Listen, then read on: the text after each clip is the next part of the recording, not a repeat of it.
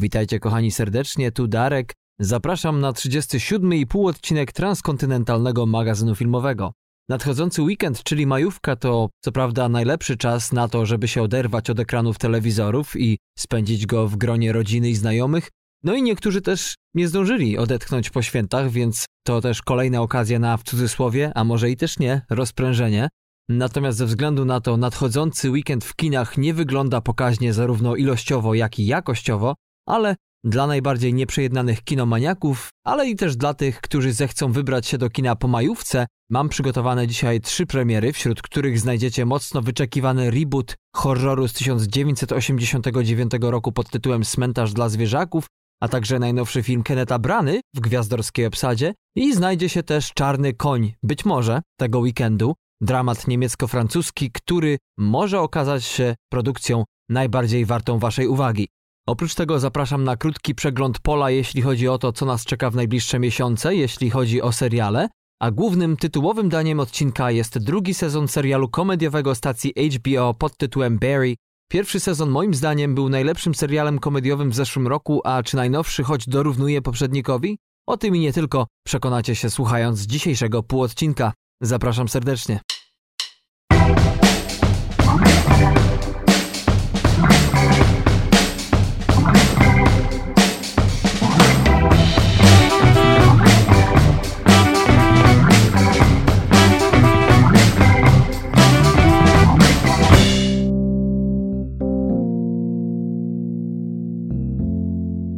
Tak to już jest, kochani, nawiązując do wstępu, że, że jedyną grupą, której w zasadzie wisi to, kiedy chodzi do kina, to są fani filmów akcji, filmów albo uniwersum DC, albo Marvela, albo obu.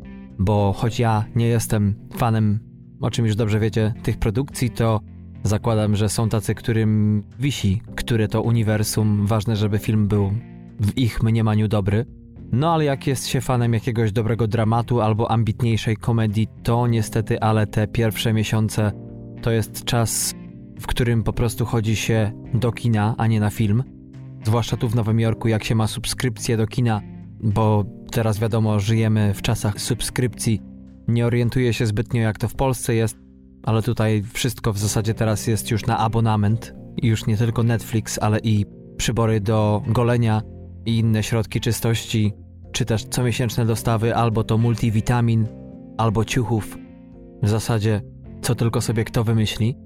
Ja posiadam subskrypcję do kin i to jest ten czas, kiedy de facto tracę na tej subskrypcji, ponieważ jak już jest jakiś czas na pójście do kina, to wolę jednak spędzić go szukając jakieś ambitniejsze produkcje, które będziemy mogli użyć z Patrykiem do pełnych odcinków i zazwyczaj za to płacę osobno, bo sporo filmów, o których my mówimy, dostępnych jest na YouTubie za powiedzmy 4 dolary, jeśli chce się wynająć film na 24 godziny. I tak to jest też w moim przypadku. No ale z drugiej strony, w te najlepsze miesiące sobie zawsze powetuję, ponieważ i też specyfika mojej pracy jest taka, że pod koniec i na początku roku tej pracy jest mniej i wtedy można się klasycznie poszlajać po kinach. No ale zawsze jest telewizja i to prawda, co mówią zewsząd, że żyjemy w złotym wieku owego medium, małego czy też srebrnego, jak to po angielsku się mówi, ekranu. I tak e, sporo tych rzeczy można obejrzeć, sporo rzeczy wychodzi, co też jednak nie jest tanią rozrywką, bo żeby sobie pozwolić na wszystkie te produkcje i legalnie je oglądać, to też trzeba trochę wysupłać, bo tutaj dochodzi i subskrypcja na Netflixie, chociaż e, większość młodych ludzi w moim wieku korzysta kont swoich rodziców, czy też wujków, czy po prostu zrzucają się z kumplami na miesięczny abonament. Ale potem dochodzi jeszcze Amazon. Trzeba wykupić tutaj rocznie za bodajże chyba 100 dolarów konto na Amazon Prime. Do tego dochodzi bodajże chyba, chyba ponad to jest 10 dolarów miesięcznie subskrypcja na HBO i wtedy ma się i seriale i filmy dostępne na tamtej stacji i też programy telewizyjne. No oprócz tego jest jeszcze Hulu, i też y, sporo tego programingu tam jest, a teraz jeszcze dojdzie Disney jego stacja, która ma, no przynajmniej w założeniu stanąć skutecznie w szeranki z Netflixem. HBO także nie spoczywa na laurach i zamierza podwajać swoją ofertę, żeby przebić Netflix, także minusem tego jest oczywiście sporo. Może nie powiem chłamu, powiem bardziej dyplomatycznie, więcej guilty pleasure, ale też i sporo świetnych rzeczy wychodzi i całe szczęście. Zwłaszcza fani gry Tron, którzy teraz rozgrzali internet, Facebooki do czerwoności ze względu na poodcinkowe memy, na spoilerowanie, co jest wielkim utrapieniem tych, którzy oglądają odcinek dzień później albo i dalej w kolejnym tygodniu. No to rzeczywiście rozumiem ból tych, którzy jednak nie mogą wejść na Facebooka, bo co post to jakaś bzdura, która rujnuje Friday. No ale z drugiej strony zawsze mówię, że niekoniecznie na tym Facebooku trzeba być. Zawsze można coś bardziej pożytecznego zrobić ze swoim czasem. No ale tak czy siak gra o tron, tak? Wszyscy pewnie, czy większość z was pewnie widziała, jak nie widziała, to słyszała o słynnym trzecim odcinku z sześciodcinkowej ostatniej odsłony tego kultowego, kultowego serialu. Tutaj w dzisiejszym odcinku nie będę spoilerował, nie będę mówił za wiele o nim, no ale bardzo ciekawym zagadnieniem jest takie, iż y, większość osób jednak z tego co mm, ja słyszę, ale i czytam, mm, jest jednak y, krytyczna i to mocno wobec tamtego odcinka, mówiąc o nim, że jednak y, był zbyt łatwy, że jednak tego się nie spodziewali. Wiele, wiele osób mówi, że jednak poziom serialu spada przynajmniej od dwóch, jak nie trzech sezonów w dół. Ja aż takim fanem Gry o Tron nie jestem, uwielbiam ten serial, ale nie wiem, czy to już na antenie. Chyba kiedyś wspominałem o tym, że zacząłem oglądać go dość przypadkowo od szóstego sezonu. Było to dla mnie ciekawe przeżycie, no ale teraz pochłaniam pierwsze sezony, jestem na trzecim, więc jeszcze nie widziałem czwartego i piątego. No i jestem na bieżąco z najnowszymi. Ja powiem tylko tyle, że bawiłem się przednio na ostatnim odcinku i za wiele mi w nim nie przeszkadzało, ale też znacie mnie i moje zdanie, że ja lubię, jeżeli rzeczy są inne czasami. To nasze ocenianie seriali też bywa zgubne czasami, bo wiele osób na przykład mówi, że serial zbytnio się nie patyczkuje już ze swoimi bohaterami. Ja, tak jak niektórzy znajomi do mnie, ja im na to w sukurs, że no tak, ale jeżeli chcielibyście teraz największe fajerwerki, to jak rozłożycie te siły na kolejne trzy odcinki? Sam się zastanawiam, jak twórcy dalej z tym pojadą. Zobaczymy. To, co naprawdę było ciekawe a propos tego odcinka, czy w ogóle najnowszej serii Gry o Tron, to jakby taka zbieżność w pewien sposób z piątym, najnowszym odcinkiem dzisiejszego serialu, o którym będę w dalszej części mówił, czyli Barego. Jeszcze o tym powiem, ale rzeczywiście Barry w piątym odcinku też wszedł na no, zupełnie inny poziom.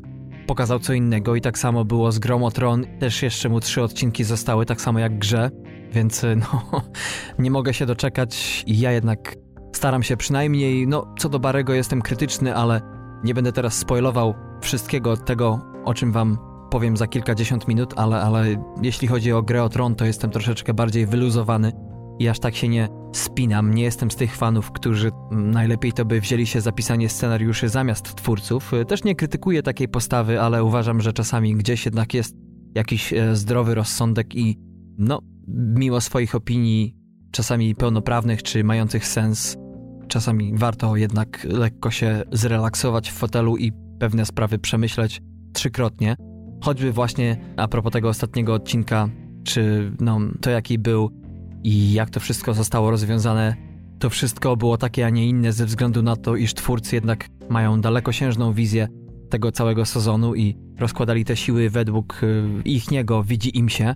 Zawsze na końcu odcinka, nie wiem jak w Polsce na HBO, ale zakładam, że tak samo jest y, rozmowa z głównymi twórcami, którzy lekko zdradzają swoje motywy, które były podwalinami tej czy innej akcji, tego czy innego rozwiązania w odcinku i zazwyczaj wierzę ich inteligencji. Są to naprawdę utalentowani twórcy, którzy się świetnie wysławiają i zawsze widać w tym i pomyślunek ich i temu zawsze ufam.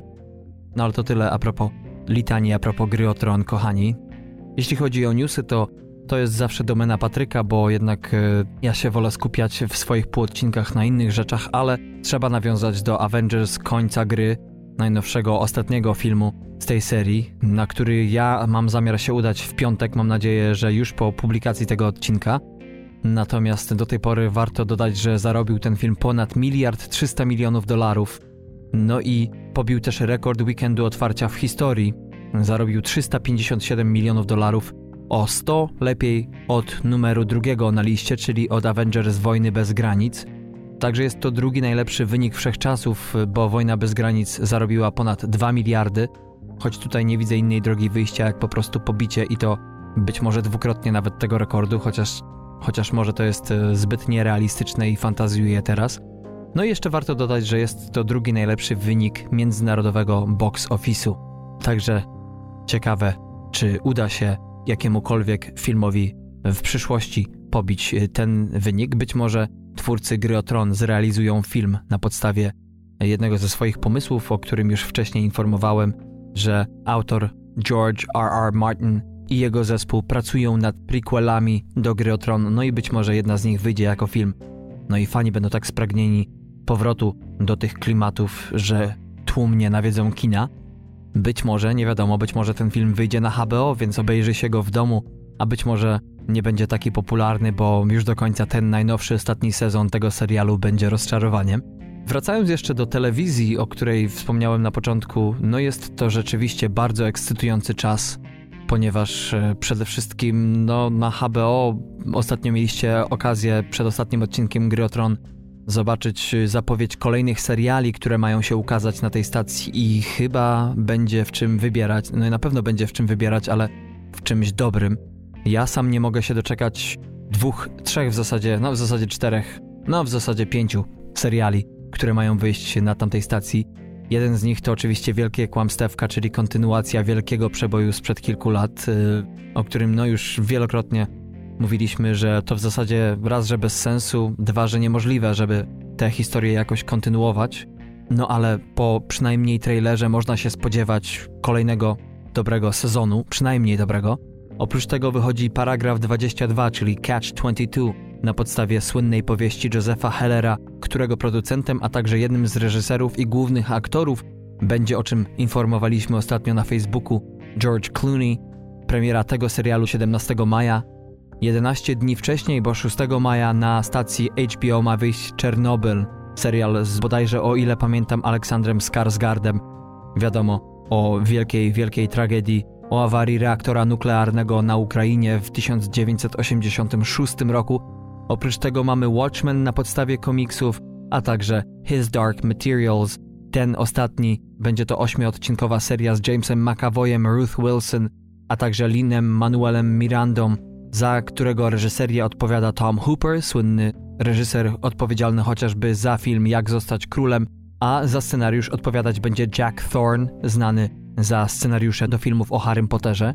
Wcześniej wyszedł już film na podstawie tego materiału Filipa Pullmana pod tytułem Golden Compass z Nicole Kidman i Danielem Craigiem w 2007 roku i przynajmniej zapowiedzi tej serii wydają się bardzo smakowite. Jeśli chodzi o Amazon, to tu wydaje się troszeczkę to skromniejsze, ponieważ jedynym takim serialem, który przykuł moją uwagę będzie Good Omens z Davidem Tennantem i Martinem Sheenem. Tennant będzie grał tu demona, Martin Sheen anioła, Oprócz tego głos Boga podkładać tu będzie Francis McDormand, w roli Archanioła zobaczymy Johna Hama, a w roli szatana Benedykta Cumberbatcha. Będzie to serial przede wszystkim dla fanów e, serialu American Gods. No i jest to serial autorstwa Terego Pratchetta i Nila Gaimana, słynnych autorów fantastyki. No i ten serial będzie opowiadał o tym, jak to demon i anioł starają się zapobiec zbliżającej się apokalipsie, co mi przypomina trochę, może wrócimy w następnym odcinku z Patrykiem do tego o naszym sketchu z kabaretu, z naszego ostatniego programu. Circa 2006 rok, kiedy to właśnie mieliśmy taki sketch z demonem i aniołem, ale to temat na rozmowę. Natomiast na Netflixie wiadomo, 4 lipca wyjdzie trzecia część Stranger Things, natomiast e, jeszcze nie wiadomo kiedy, przynajmniej ja się nie dokopałem do tej informacji. Ujrzymy w końcu, w końcu długo zapowiadaną, no i nie mniej problematyczną produkcję, czyli naszego polskiego Wiedźmina. No i to tyle, jeśli chodzi, kochani, o housekeeping, o niezobowiązującą gadkę, natomiast przechodzimy teraz już do premier, do trzech premier na zbliżającą się majówkę. No i tak jak powiedziałem na wstępie, może nie wszystko się tutaj jawi w różowych barwach, no ale cóż, życie nie lubi próżni, no i wśród Was zakładamy też, że są tacy, którzy czy to słońce, czy to deszcz, czy to święta, czy nie, lubią się wybrać do kina, a większość z Was pewnie i po majówce zechce, więc niechaj ta sekcja będzie dla Was takim kierunkowskazem a propos tego, co się już niedługo będzie kreować w kinach. Na początek bierzemy, kochani, wspomniany horror Cmentarz dla zwierzaków. Jest to najbardziej oczekiwana produkcja, jeśli chodzi o ten weekend, przynajmniej jeśli chodzi o głosy fanów na portalu Filmweb, ale problem z tym filmem jest taki, iż nie zbiera najlepszych ratingów, zwłaszcza w Stanach Zjednoczonych, a gra się już go od 5 kwietnia Jak powiedziałem, oryginalny film wyszedł w 1989 roku. Premiera dzisiejszej wersji miała miejsce w połowie marca na festiwalu South by Southwest w mieście Austin w stanie Texas. W tym roku oczywiście. A akcja opowiada o doktorze Louisie Creedzie, który po przeprowadzce z żoną i ich dwojgiem małych dzieci z Bostonu do wiejskiego domu w stanie Maine w północno-wschodnich Stanach Zjednoczonych odkrywa ukryte głęboko w lesie dziwne, tajemnicze cmentarzysko. I kiedy w rodzinie dochodzi do tragedii, Louis zwraca się z prośbą o pomoc do swego nieco dziwacznego sąsiada i ich wspólne odkrycie będzie miało przerażające konsekwencje. Za scenariusz filmu odpowiedzialny jest Jeff Bueller, który w tym roku napisał także scenariusz do innego horroru Prodigy Opentany, który nie miał za bardzo świetnych recenzji, bo bodajże tylko 45% recenzentów wypowiedziało się pozytywnie o tym filmie, a jego debiutem, jeśli chodzi o scenopisarstwo, był może mniej znany film, ale dla fanów horroru z pewnością nieanonimowy. Był to Nocny pociąg z mięsem z 2008 roku z Bradleyem Cooperem w roli głównej. Za reżyserię dzisiejszego filmu odpowiada dwóch panów, Kevin Kolsch i Dennis Widmeyer i jest to ich szósty wspólny film, więc tutaj tylko wymienię trzy pozycje, o których warto wiedzieć. Debiutowali reżyserując film dokumentalny o autorze Podziemnego Kręgu Chucku Palaniuku. W 2014 roku wyszedł horror Gwiazdy w oczach, natomiast trzy lata temu wspólnie wyreżyserowali komedię horror Holidays z Sethem Greenem. Jeśli chodzi o obsadę, to wspomnianego doktora Louisa Creeda gra Jason Clark, który robi coraz to większą karierę w Stanach Zjednoczonych i tylko temu należy przyklasnąć. Pamiętamy go sprzed kilku lat z roli w filmie Madbound na Netflixie, w świetnym filmie, o którym zrobiliśmy też jeden z naszych odcinków, więc zapraszamy, odsyłamy do niego. Oprócz tego w 2018 roku wystąpił w moim zdaniem jednym z najbardziej jeśli nie najbardziej niedocenionym mainstreamowym filmie, jakim był Pierwszy Człowiek Damiena Chazela z Ryanem Goslingiem w roli głównej o przygodach Nila Armstronga, słynnego amerykańskiego kosmonauty. W tym roku natomiast oprócz dzisiejszego filmu wyszedł już inny melodramat wojenny w domu innego, Jamesa Kenta, w którym to partnerował Kirze Knightley, a także Aleksandrowi Skarsgardowi. No jednak na 130 recenzji tylko 25% jest pozytywnych. Premiera tego filmu miała miejsce pod koniec tego marca i no w Polsce oczywiście no i raczej ten film zestarzał się zanim minął jakikolwiek czas. Natomiast e, oprócz tego jeszcze w tym roku Jasona Clarka ujrzymy w roli Grigoria Potiomkina w serialu Katarzyna Wielka, czyli Catherine the Great w głównej roli z Helen Mirren. Żonę doktora Creeda gra Amy Simets, którą możecie kojarzyć e, z filmu Obcy Przymierze z 2017 roku, natomiast e, ich e, dziwacznego sąsiada gra tutaj legenda kina John Lithgow, dwukrotnie nominowany do Oscara aktor w 1984 roku za Czułe Słówka i rok wcześniej za rolę w filmie Świat według Garpia. Obie role były drugoplanowymi. Oprócz tego ma na swoim koncie dwa Złote Globy za serial Dexter, za występ gościnny, a także za Trzecią Planetę od Słońca – za ten ostatni zgarnął też trzy nagrody Emmy, za Dextera jedną, a ostatnio piątą nagrodę Emmy w swojej historii otrzymał za rolę Winstona Churchilla z serialu The Crown. Jeśli chodzi o oceny i recenzję tego filmu, to tak jak wspomniałem, nie jest kolorowo. Przy 24 tysiącach głosów na portalu IMDb ocena średnia to 6,1, na Rotten Tomatoes jest jeszcze gorzej. Krytycy oceniają ten film także na 6 na 10, ale już przy tylko 58% pozytywnych recenzji jeśli chodzi o widzów jest jeszcze gorzej, jeśli chodzi o ceny jest to niecałe 3 na 5 przy tylko 39. Mówi się, że ten film jest tak zwany cheesy, czyli z przymrużeniem oka, traktujący całą historię i trąci myszką. Mówi się, że fatalny scenariusz kładzie na łopatki całkiem zdolnych reżyserów, no i szokujące jest to, że ta wersja sprawia, i to jest mój ulubiony cytat, iż mocno średni oryginał nabiera na wartości. No ale co do plusów, to można powiedzieć, że niektórzy tylko niektórzy, ale jednak uważają ten film za mocno, mocno wciągający. Film ten już wielokrotnie, prawie pięciokrotnie zarobił na siebie, bo przy 21-milionowym budżecie ten trwający godzinę i 41 minut horror zarobił już 103 miliony dolarów. Także jeżeli macie ochotę i jesteście fanami horrorów, a zwłaszcza pierwowzoru, no to będziecie mieli okazję, żeby się z nim zmierzyć. Czemu nie? Dajcie nam znać. Ja wybieram się na ten film być może w niedzielę.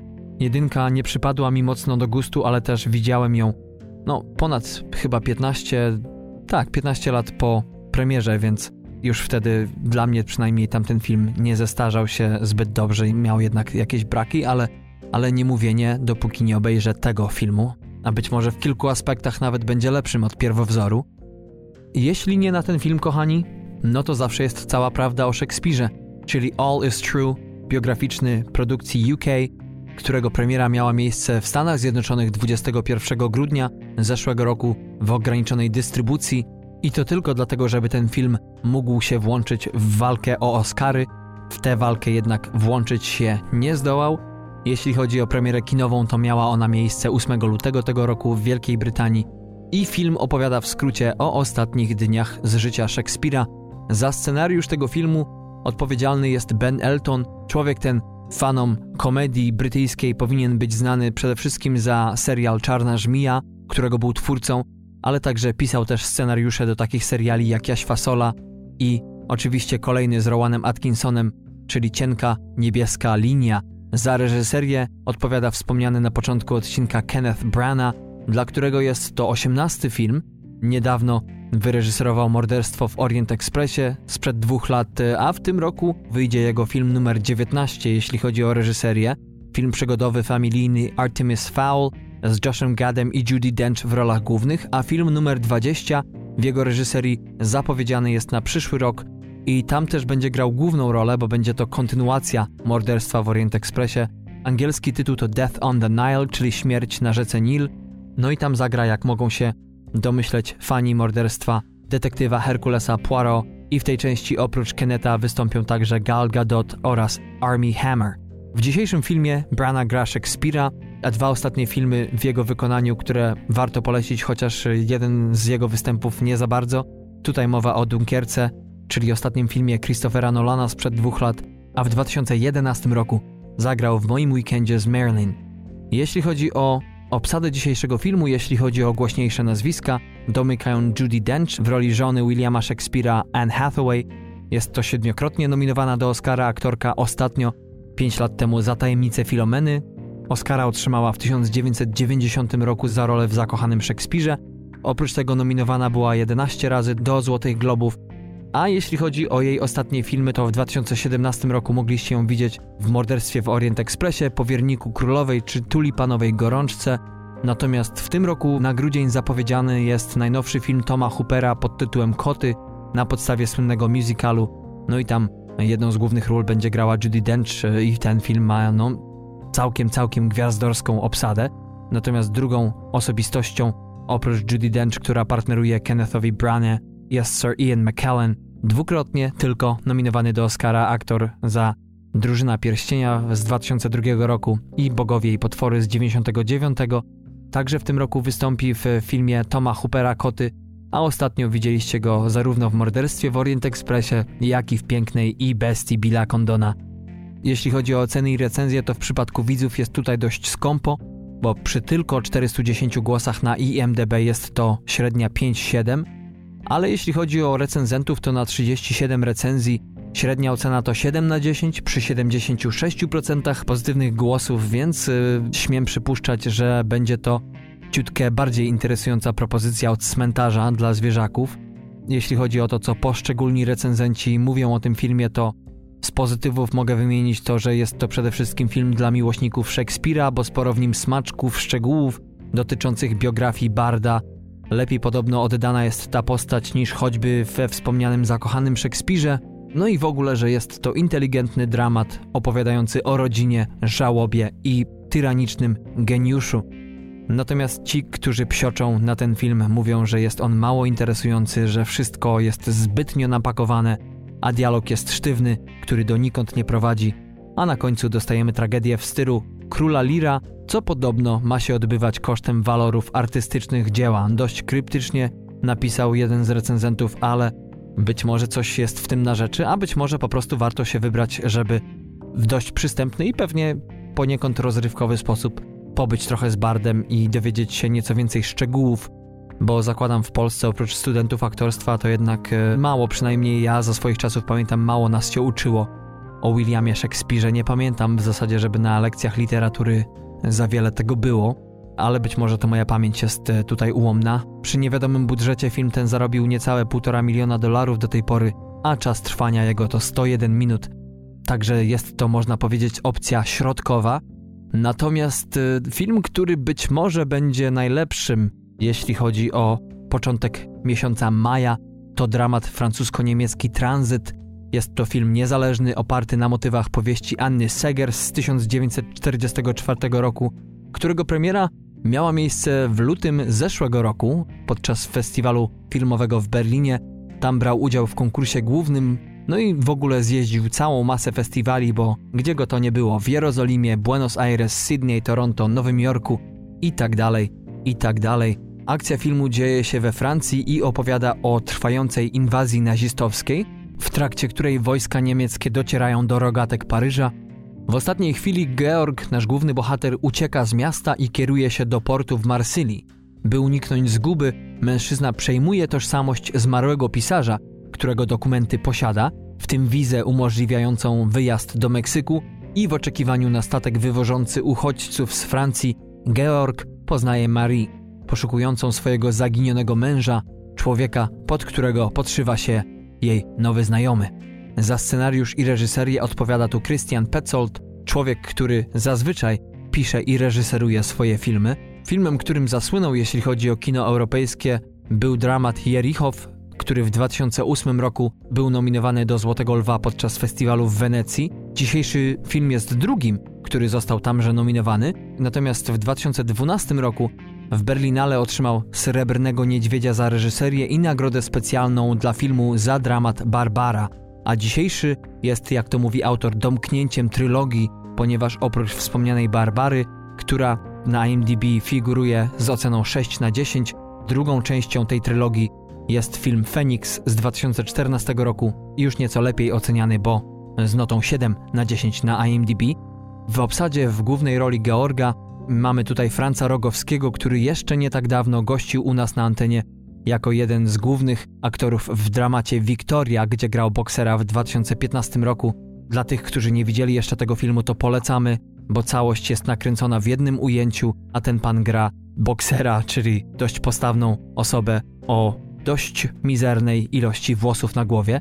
Aktor ten co prawda może nie gra najgłówniejszej roli w tym filmie, ale widać, że na jego talencie poznają się coraz to kolejne zastępy twórców filmowych, bo jeszcze w tamtym roku zagrał jedną z główniejszych ról w filmie Happy End, natomiast już ostatnio trafiają do niego, tak jak w przypadku dzisiejszego, same główne, ponieważ w zeszłym roku widzieliśmy go w Walcu w Alejkach i ten film, o ile dobrze pamiętam, jeszcze nie tak dawno był w polskich kinach, wyszedł z opóźnieniem. Natomiast w tym roku zobaczymy go jeszcze w głównej roli w filmie biograficznym w dramacie wojennym A Hidden Life Terensa Malika, filmie na podstawie dziejów właśnie bohatera, w którego się wcieli Franz Rogowski. W tym dzisiejszym filmie obsadę domyka i partneruje Francowi Paula Ber, którą fani kina europejskiego powinni kojarzyć z dramatu François Ozona Franz z 2016 roku, o którym też opowiadaliśmy na naszej antenie. Oprócz tego gra główną rolę w serialu Bankowa Gra, a w tym roku Wystąpiła także w dramacie francuskim Wilcze Echa Abela Lanzaka, gdzie to partnerowała gwieździe francuskiego kina Omarowi Sy. Jeśli chodzi o oceny i recenzje, to tak jak powiedziałem, nie jest tu najgorzej. Przy 3000 głosów na IMDb mamy tu ocenę 7.0.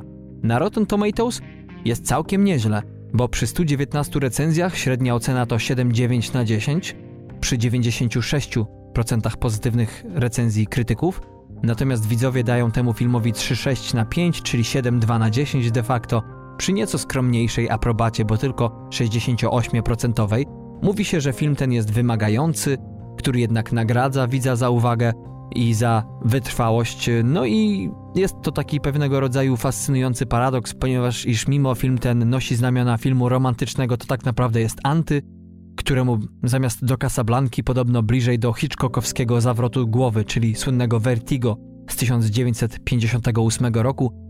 Ci natomiast z recenzentów, którzy nie tak bardzo pałają do tego filmu jakimś gorętszym uczuciem, mówią o nim, iż ten tylko teoretycznie przeraża i w cudzysłowie chodzi za widzem i że jest to połączenie Casablanki z kawką raczej, które średnio autorowi filmu wychodzi. No i też, że zamiast uporządkowanej akcji wkradło się tutaj trochę, co jest moim ulubionym cytatem, w cudzysłowie filmowego burdelu. No i że ten film to taki dość bogaty w smak tort, któremu zbędny jest lukier w postaci rozważań egzystencjalnych. Przygotowując się do dzisiejszego odcinka, przeczytałem sobie recenzję na Filmwebie Michała Walkiewicza, który dał temu filmowi ocenę 6 na 10, określając go mianem niezłego. No i recenzent ten chwali film za teatralne podejście w dobrym tego słowa znaczeniu do historii, ponieważ zamiast konwencjonalnego podejścia do filmów o podobnej tematyce, podobno tutaj mamy w sposób dość niekonwencjonalny sparowane dwa porządki czasowe, a wydarzenia II wojny rozgrywane są w scenerii bardziej współczesnej, no ale też krytykuje ten film za to, że konwencja miejscami przerasta reżysera, że ten przesadza jednak z ckliwością i nostalgią i że nie do końca udało mu się ujarzmić bogactwo literackie powieści. No a do tego ten narrator. Trzy kropki. No i na tym sobie pozwolę zakończyć opowiadanie wam o tym filmie. Czas trwania to także jak w przypadku całej prawdy o Szekspirze 101 minut. Więc kochani, być może to jest ten Czarny Koń, tak jak powiedziałem, film, który jest bardziej niecodzienny od innych, być może od Trudka, jak to ostatnio u nas tematycznie wychodzi w TMF-ie na typowe filmy romantyczne. No a do tego z dwójką naprawdę, naprawdę obiecujących i można powiedzieć świetnych aktorów europejskich młodego pokolenia, czyli Pauli Ber i Franca Rogowskiego.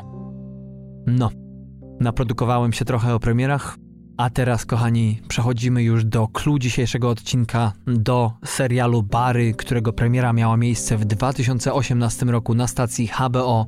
Premiera najnowszego sezonu serialu miała miejsce 31 marca tego roku. Do tej pory, tak jak powiedziałem, wyszło 5 odcinków. Najnowszy szósty wyjdzie w nadchodzącą niedzielę. No i ostatni wyjdzie wtedy, kiedy końcówka gry o tron, czyli 19 maja, więc nie sposób o moim zdaniem lepszy niedzielny binge. Akcja pierwszego sezonu i tutaj opowiem przy najmniejszej ilości spoilerów, jak tylko mogę, tym, którzy jeszcze go nie widzieli. Sezon pierwszy opowiadał o Barym, weteranie wojennym z Afganistanu, urodzonym w Cleveland w stanie Ohio, który przenosi się do Los Angeles, gdzie pracuje dla człowieka o imieniu Monroe Fuchs jako zabójca na zlecenie.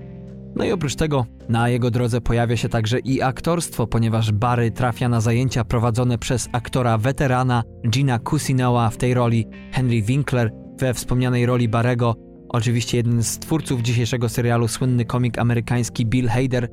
No i te zajęcia z aktorstwa sprawiają, że życie głównego bohatera zaczyna nabierać nowych rumieńców, zyskuje nowy cel, a główny bohater motywację, by zerwać z przeszłością, by się z nią uporać, przestać w końcu zabijać ludzi i stać się aktorem. Przynajmniej. No i wszystko wydaje się to być oczywiście proste, ale jak można się domyślać, nic bardziej mylnego. I to tyle, jeśli chodzi o pierwszy sezon. Kochani, ci, którzy z Was nie widzieli drugiego sezonu, a którzy nie chcą wiedzieć, co się dzieje w drugim, zanim nie obejrzeli pierwszego, to proponuję Wam w tym momencie przerwać słuchanie tego odcinka i wrócić do odcinku numer 23,5 który wyszedł 17 maja 2018 roku. Tam od mniej więcej 29 minuty 6 sekundy posłuchacie sobie mojego półodcinka i moich wypocin a propos tego sezonu. Ale jeżeli nie macie nic przeciwko, albo ci, którzy z Was widzieli już pierwszy sezon, no to zapraszam dalej, jedziemy z koksem, bo jest co opowiadać. Przypomnę tylko, że ten pierwszy sezon uzyskał trzy nominacje do Złotych Globów za serial komediowy oraz dla aktora pierwszo- i drugoplanowego. Niestety tam przegrał z no, całkiem też udanym serialem, chociaż moim zdaniem nie aż tak dobrym, nie aż tak zjawiskowym, jeśli chodzi o zwykłą, typową papkę komediową z innym serialem stacji Netflix, tym razem pod tytułem The Kaminsky Method. I coś mi się wydaje, że jednak oprócz no, naprawdę rozwijającej się akcji i całkiem niezłego poziomu, do którego w końcu w późniejszych odcinkach dociąga wspomniany serial z Michaelem Douglasem i Alanem Arkinem, no to jednak Moim zdaniem te nagrody Złotych Globów należały się właśnie Baremu, ale można powiedzieć, że co się odwlecze, to nie uciecze, bo zamiast tego serial został nagrodzony trzema nagrodami Emmy za dźwięk oraz dla właśnie Billa Hadera i Henry'ego Winklera za ich role pierwszo- i drugoplanowe. No i też scenarzyści amerykańscy docenili ten serial, bo otrzymał on dwie nagrody amerykańskiej Gildii Scenarzystów za scenariusz nowego serialu oraz w kategorii scenariusz pierwszego odcinka. Sezon drugi natomiast to tak samo jak w jedynce, jest to ośmioodcinkowa, półgodzinna jazda, no i tym razem życie Barego niby ułożyło się całkiem nie najgorzej, niby wybrnął starapatów z poprzedniego sezonu, ale to także nic bardziej mylnego, ponieważ rzeczy od tak same po prostu nie znikają, a sprawy od tak się po prostu nie rozwiązują czy rozchodzą po kościach. E, i mamy tutaj kontynuację kilku wątków z poprzedniego sezonu, wracają demony Barego, które uprzykrzały mu życie w poprzednim sezonie, które zresztą też trzeba przyznać zbyt często on sam prokurował. No i w dodatku w aktorstwie pojawiają się problemy. Nie tylko problem z wychowawcą czy z mentorem, ale także aktorzy zaczynają pracować nad oryginalnymi materiałami, opartymi na prawdzie, emocjach, a w tym ma im pomóc sięganie do przeszłości, rozdrapywanie ran, mierzenie się z traumami z ich życia w celu użycia ich potem na scenie. No i e, nadal tutaj mamy oczywiście poczciwych pożal się Boże Czeczenów z dzierżącym palmę pierwszeństwa Noho Hankiem w tej roli Anthony Carrigan. Nie zyskujemy zbyt wiele nowych postaci w sezonie numer dwa, ale moim zdaniem nie działa to na niekorzyść serialu. Przypomnijmy, że jego twórcami są Alec Berg, producent i scenarzysta takich m.in. tytułów jak Seinfeld, Dolina Krzemowa, której szósty sezon zapowiedziany, no przesunięty został już na rok 2020, no i także odpowiedzialny jest jako producent za 9 sezonów serialu Pohamuj Entuzjazm, a jako scenarzysta pracował jeszcze przy filmie Dyktator z 2012 roku z Saszą Baronem Cohenem, czy przy programie rozrywkowym Late Night with Conan O'Brien. Bill Hader wspomniany oczywiście to aktor, głównie aktor, znany z takich filmów np. jak Wykolejona Jada Apatowa z 2015 roku. Tam partnerował Amy Schumer, natomiast ostatnio oczywiście oprócz epizodycznych powrotów do Saturday Night Live i pracy przy Barym, Billa Hadera można było częściej usłyszeć w dubbingu. Jeszcze nie tak dawno w Ralfie Demolce w internecie, a w tym roku wyjdzie najnowszy film z jego udziałem głosowym, czyli The Angry Birds Movie 2, ale pod koniec roku także zobaczymy go w dramatycznej roli w kontynuacji w drugiej części horroru To na podstawie powieści Stephena Kinga. W obsadzie Haderowi partneruje m.in. Steven Root jako wspomniany jego agent w cudzysłowie Monroe Fuchs. No i coś czuję, że jak nie w końcówce jeszcze tego drugiego sezonu, no to w trzecim jeszcze bardziej rozwiną scenarzyści tę postać. Jest to dość enigmatyczna postać, ale świetnie zagrana, bardzo na kontrze do Barego. Facet, który no, ma tyle problemów w życiu, co prokuruje, przynajmniej. Tego aktora można było ostatnio widzieć m.in w balladzie o Basterze Skraksie braci Coenów na Netflixie czy w Man in a High Castle stacji Amazon. Dziewczynę Barego natomiast Sally tak w pierwszym sezonie, jak i tu gra Sarah Goldberg, która jest moim zdaniem odkryciem serialowym, jeśli chodzi o zeszły rok i mam nadzieję, że jej kariera nabierze rozpędu. W styczniu w tym roku w Sundance miała miejsce premiera najnowszego filmu Scotta Z. Burnsa pod tytułem The Report, w którym to oprócz Sary Goldberg wystąpili przede wszystkim no, w głównej roli Adam Driver, natomiast oprócz Sary Goldberg i Drivera mamy tam jeszcze Johna Hama, Michaela C. Halla, czyli słynnego Dextera, Annette Bening, Corey Stolla, znanego łysego pana z House of Cards, czy Matthew Rice'a z The Americans, czy Tima Blake'a Nelsona, który zagrał tytułową rolę we wspomnianej balladzie o Basterze Scraggsie. To jeśli chodzi o The Report, który jeszcze w tym roku ma podobno trafić do kin, natomiast niedawno Sarah Goldberg zakończyła zdjęcia do filmu The Laundromat, czyli potocznie przynajmniej nieoficjalnie pralnia Stevena Soderberga. W tym filmie ujrzymy oprócz niej także Garego Oldmana, Meryl Streep, Antonio Banderasa i Davida Schwimmera. Czyli widać, że Sara pnie się pnie i to fajnie, że nie tylko w serialach, a tym bardziej niszowych, za który nadal uważam Barego może nie tyle w Stanach Zjednoczonych, ale na pewno w Polsce, bo przy dwóch tysiącach głosów na Filmwebie no inaczej nie można powiedzieć. Natomiast obsadę, jeśli chodzi o bardziej prominentne postaci, domyka wspomniany Henry Winkler w roli Gina Cusinoa, tego świetnego, fenomenalnego aktora, który ogromną popularność zyskał w Stanach Zjednoczonych w latach 70. w serialu Happy Days. Można było zobaczyć i można nadal w Bogatych Bankrutach. Oprócz tego na przyszły rok z jego udziałem zapowiedziany jest najnowszy film Wesa Andersona The French Dispatch. Natomiast warto też wiedzieć, że Henry Winkler oprócz aktorstwa też i sporo reżyserował, bo takie na przykład seriale jak Sabrina Nastoletnia Czarownica czy MacGyver a w Stanach również jest no, ogromnie popularny, zwłaszcza jeśli chodzi o rodziców, ponieważ napisał 12, można by śmiało powiedzieć, książkowych bestsellerów dla dzieci. Także jest to człowiek no, całkiem, całkiem wyjątkowy. I cóż, może przejdę do meritum. Nie będę zdradzał, co się dzieje w tym serialu, nic z akcji za bardzo, bo to przede wszystkim jest dla Was, żebyście sobie odkryli.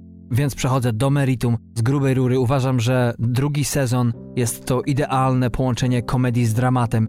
Jeszcze więcej jest tutaj czarnego humoru, nawet więcej w drugim sezonie niż w pierwszym. Komedii może trochę mniej, ale przez to jest ona jakby lepiej rozmieszczona, to wszystko to jednak sprawia wrażenie śmieszniejszego, przynajmniej zaskakującego. I jeżeli są jakieś momenty, które nie śmieszą mocno, to jednak nie przeszkadzają. I te elementy, czyli humor i dramat, y, świetnie się uzupełniają. No nie tylko uzupełniają, ale także jakby odbijają od siebie. Często są nierozłączne, ale też y, jeden element, na przykład coś tragicznego, podkłada często podwaliny pod zbliżający się żart i często jest to na kontrze.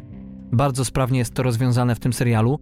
To, co jest największym chyba plusem tej części, to jednak zaskoczenia dla mnie, mm, zarówno jeśli chodzi o wątki, jak i humor, bo nigdy w zasadzie nie wiadomo czego się spodziewać, a jak już się czegoś spodziewamy, czy ja się spodziewałem, to i tak twórcy mnie czymś zaskoczyli, czymś zrobili w przysłowiowego konia.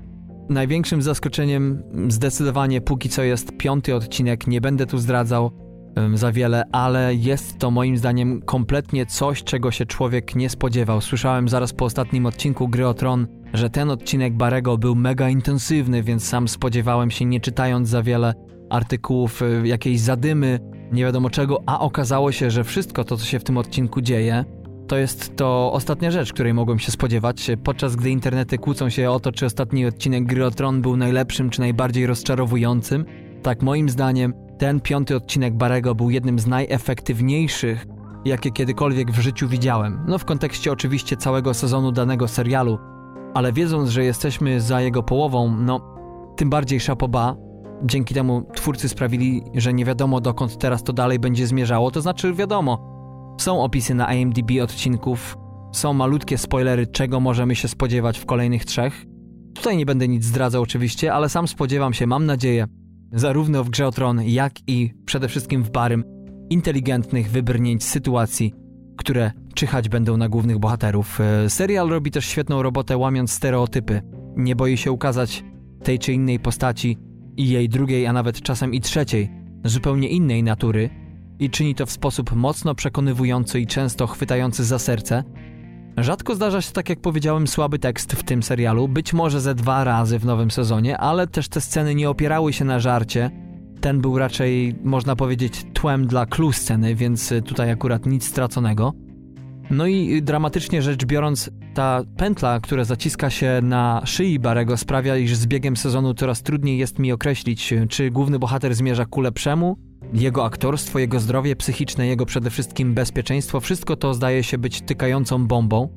Więcej w tym serialu mamy niż w jedynce retrospekcji, czego można było się spodziewać, bo zazwyczaj pierwsze sezony tam więcej jest jednak tego wykładania podwalin, ukontekstowiania akcji i rozwijania postaci głównych bohaterów, jak i relacji między nimi.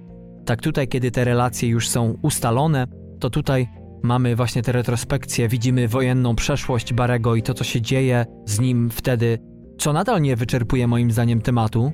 Coś mi podpowiada, zresztą wydaje mi się, że jest przynajmniej jedna poszlaka a propos tego, iż w trzecim sezonie, a serial już wiadomo, że został przedłużony o kolejny Otrzymamy tam jeszcze więcej wglądu w portret psychologiczny bohatera, jeszcze więcej elementów z układanki z jego trudnej przeszłości ujrzy światło dzienne. W ogóle samo połączenie bogatego życiorysu, trudnych losów, połączenie tego ze scenami, w których aktorzy starają się użyć tych rzeczy na potrzeby realistycznego oddania scen, to przede wszystkim jest klejnot dla aktorów, którzy sami przeszli na studiach przez to wszystko i daje to mocno wyjątkową perspektywę nie tylko tego, przez co ci ludzie, czyli aktorzy przechodzą, ale też w jaki sposób sami interpretują swoje zachowanie, czy to, co ich ukształtowało. Mamy też tu jako widzowie wgląd w to, czy rzeczywiście to, co oni sami o swoim życiu myślą, jest to szczere, czy też pełna konfabulacja, a może jest to po prostu koktajl w niektórych przypadkach łączący i jedno i drugie. Mógłbym mówić o tym w nieskończoność, czasami nie otrzymujemy odpowiedzi na to pytanie, przynajmniej ja nie otrzymałem. I fajnie, bo to dobrze wiedzieć jeszcze przed końcem tego sezonu, że jest na co czekać w kolejnym, że, że jednak e, ta formuła się nie wyczerpała autorom i że jest sporo świeżości. Moim zdaniem w tym sezonie. Mm, no i powiem tyle, serial ukazując nam pogubionych aktorów, których chlebem powszednim jest właśnie introspekcja, wchodzenie w te swoje emocjonalne warstwy, by je potem szczerze oddać na scenie. Wszystkie te uczucia, stan ducha, jakkolwiek, e, wszystko to zadaje mi jako widzowi pytanie, ale w sposób mocno przystępny, bez zbędnego patosu. Kim tak naprawdę my uczciwie jako ludzie jesteśmy i czy jesteśmy w stanie się zmienić? czy nasze podejście do nas samych i do ludzi wokół nas e, jest w stanie zmienić się na lepsze, jakoś wyewoluować w pozytywną stronę. Ciężko znaleźć mi tak naprawdę minusy a propos Barego, a propos tego sezonu, ale jak musiałbym się już uprzeć, to powiedziałbym, że póki co być może, moim zdaniem, być może Czeczeni nie zostali najlepiej spożytkowani, ale nadal są śmieszni. Z drugiej strony show ten drugi sezon nie koncentruje się, przynajmniej w tych pierwszych pięciu odcinkach, na tym wątku. Z jednej strony to szkoda, ale przynajmniej nasz łysy Hank ma też, tak jak w pierwszym sezonie, taki tu kilka naprawdę świetnych momentów, kilka świetnych linijek tekstu, więc przynajmniej jest jakiś tam tego element, a mam nadzieję, że jeśli ten sezon do końca utrzyma klasę, to i trzeci, i być może czwarty rozwiną jeszcze skrzydła. Chociaż sam jestem fanem, żeby jednak być może skończyć ten serial na trzech, maksymalnie czterech sezonach, bo ja jednak wolę te krótsze formy, wolę kontynuacje, które albo się nie łączą ze sobą, tak jak w postaci serialu Detektyw, którego sezonów nie jestem jednakowym fanem, no to jednak mimo wszystko jest to jakaś wartość dodana przede wszystkim dla takich osób jak ja, które nie tylko szybko mówią i myślą, ale przede wszystkim lubią zmiany, lubią dość paradoksalnie widzieć w tych zmianach pewną stabilność. Jeśli chodzi o oceny tego serialu na internetach, to średnia ocena tego serialu przy 18 tysiącach głosów na portalu IMDb to 8.1, ale jest to średnia zbiorcza obu sezonów. Jeśli mielibyśmy już wyszczególnić je osobno, no to średnia pierwszego sezonu kształtuje się na poziomie 8.3, a najwyższa ocena, jaka pojawiła się przy odcinku z tego sezonu, to 9.3. A jeśli chodzi o sezon drugi, to wydaje mi się, że te peany, które już od kilku dobrych minut pieje, mają jakieś odzwierciedlenie, bo średnia ocena sezonu drugiego to 8,9 przy maksymalnej ocenie ostatniego odcinka numer 5 na 9,8 i żaden z tych odcinków nie zszedł jeszcze poniżej ósemki, najmniej miał bodajże, no może nie będę wam zdradzał, ale było tam 8,1 do tej pory. W pierwszym sezonie zdarzyło się kilka ocenionych na 7 z hakiem. Jeśli chodzi o film web, to tutaj marnie to dosyć wygląda, tak jakby albo naprawdę nikt nie widział tego serialu, albo nie potrafi on po prostu dotrzeć do polskiej widowni, bo przy tylko 2000 głosów mamy ocenę 7.1. Na Rotten Tomatoes drugi sezon oceniany jest przez użytkowników 4 na 5, czyli 8 na 10 przy 75% pozytywów, ale to jest tylko 110 głosów. Ale już na 28 recenzji krytyków przy 100% pozytywnych jest to ocena 8, 6 na 10. Także to powinno mówić samo za siebie. Podsumowując ten serial pokrótce powiem, że co prawda ciężko go zaklasyfikować jednoznacznie, bo jest to moim zdaniem jedyna w swoim rodzaju komedia slapstickowo-sensacyjna, swój gatunek można powiedzieć, chociaż może tak nie do końca. Bardzo oryginalne podejście. Serial ukazuje, nie wiem czy inną drogę, jeśli chodzi o tonowanie dramaturgii miniserii, które w dzisiejszych czasach są bezsprzecznie najbardziej popularną formą rozrywki przed małym ekranem, ale muszę powiedzieć, że droga, którą ten serial toruje, jest jednak tą, której jeszcze większość twórców nie potrafi do końca zawierzyć, co także tyczy się widzów też, którym trudno się dziwić, co prawda, przy napływie setek produkcji zewsząd, ale jest to bardzo odważny serial, który jest tym, czym jest i wypływa tak naprawdę z połączenia dwóch geniuszy, moim zdaniem, komediowych, czyli Billa Hadera, który tutaj, no zresztą w ogóle cała obsada, oprócz powiedzmy bardzo pobocznych aktorów, naprawdę, naprawdę wspina się na wyżyny aktorstwa. Przede wszystkim Bill Hader, ale i Henry Winkler grają naprawdę bardzo udanie zarówno momenty komediowe, jak i dramatyczne z naprawdę, naprawdę czasami porażającym realizmem. E, nie sposób po prostu im nie wierzyć. E, produkcja ta moim zdaniem pokazuje, że można wynaleźć koło w pewien sposób i może nie będzie to na pierwszy rzut oka koło bardziej okrągłe, ale zdecydowanie bardziej interesujące. I tak bym metaforycznie domknął moje wrażenia a propos najnowszego sezonu serialu produkcji HBO pod tytułem Bary Billa Hadera i Aleka Berga, któremu wystawiam jednogłośnie ocenę 15 na 15, absolutny maks i tylko życzę i sobie i wam, żeby coś komediowego w tym roku pobiło ten serial, bo to tylko będzie z pożytkiem e, dla wszystkich. E, no i to tyle chyba, jeśli chodzi o moje przemyślenia. Jak zwykle, kochani, dziękuję, że jesteście z nami, dziękuję, że nas subskrybujecie, słuchacie. dziękujemy za wszelkie przejawy sympatii z Waszej strony. Oczywiście zapraszamy nieustannie do polecania nas swoim znajomym, do wystawiania nam gwiazdek na apkach podcastowych czy komentarzy na iTunesie, bo dzięki temu po prostu ktoś googlując czy wyszukując po prostu w apce jakiś podcast filmowy czy w ogóle podcast polski w języku polskim na nas się po prostu natknie. A często tak jest, co słyszymy od wielu, wielu słuchaczy, nowych słuchaczy, że mieli ogromne problemy w ogóle z wyszukaniem nas, dziwnym trafem na nas trafili, a jak trafili, to już po prostu zostali na dobre. Więc y, to tylko nas dopinguje do jeszcze bardziej rzetelnej pracy, do większego wysiłku. To jest naprawdę fenomenalny sposób i nie tylko spędzenia czasu, ale i też samorozwoju. No i przede wszystkim świetna wymówka, żeby oglądać jeszcze więcej seriali i jeszcze więcej filmów. Choć nie wszystką papkę, którą się nam teraz serwuje, tutaj, jak zresztą wiecie, zwłaszcza w pełnych odcinkach, jesteśmy bardziej selektywni. Oczywiście zapraszam Was, kochani, do posta z naszym odcinkiem na www.tmfpodcast.com. Tam nie tylko linki i trailery do tego, o czym Wam dzisiaj powiedziałem, ale mam nadzieję też, bo jednak za nic ten serial, czyli Bary, nagrodę Emmy nie dostał, jeśli chodzi o muzykę. I zapomniałem wspomnieć także to, jak e, napisy początkowe i końcowe, zwłaszcza plansze tytułowe są, pojawiają się w każdym odcinku. To jest moim zdaniem coś smakowitego i coś takiego mocno niecodziennego. I na Spotify wyszukałem już sporo piosenek, które są używane albo na początku, albo zwłaszcza na końcu, na napisach końcowych. No jest to po prostu mocno, mocno smakowita muzyka. To tyle, kochani.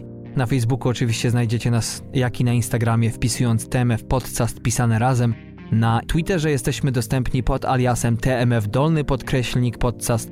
Oprócz tego możecie nas słuchać na wszystkich apkach podcastowych, włączając to w apkę audiobookową Lekton, jak i też Spotify. Tam również coraz więcej Was przybywa.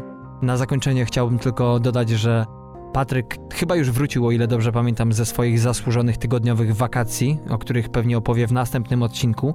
Zastanawiamy się z Patrykiem, jak to rozegrać, ponieważ z przyczyn technicznych może nie udać nam się nagrać pełnego odcinka w przyszłym tygodniu, ale jeśli nie, to rozważamy obaj nagranie bonusa e, z propozycją albo filmową, albo serialową. Być może będzie to właśnie film.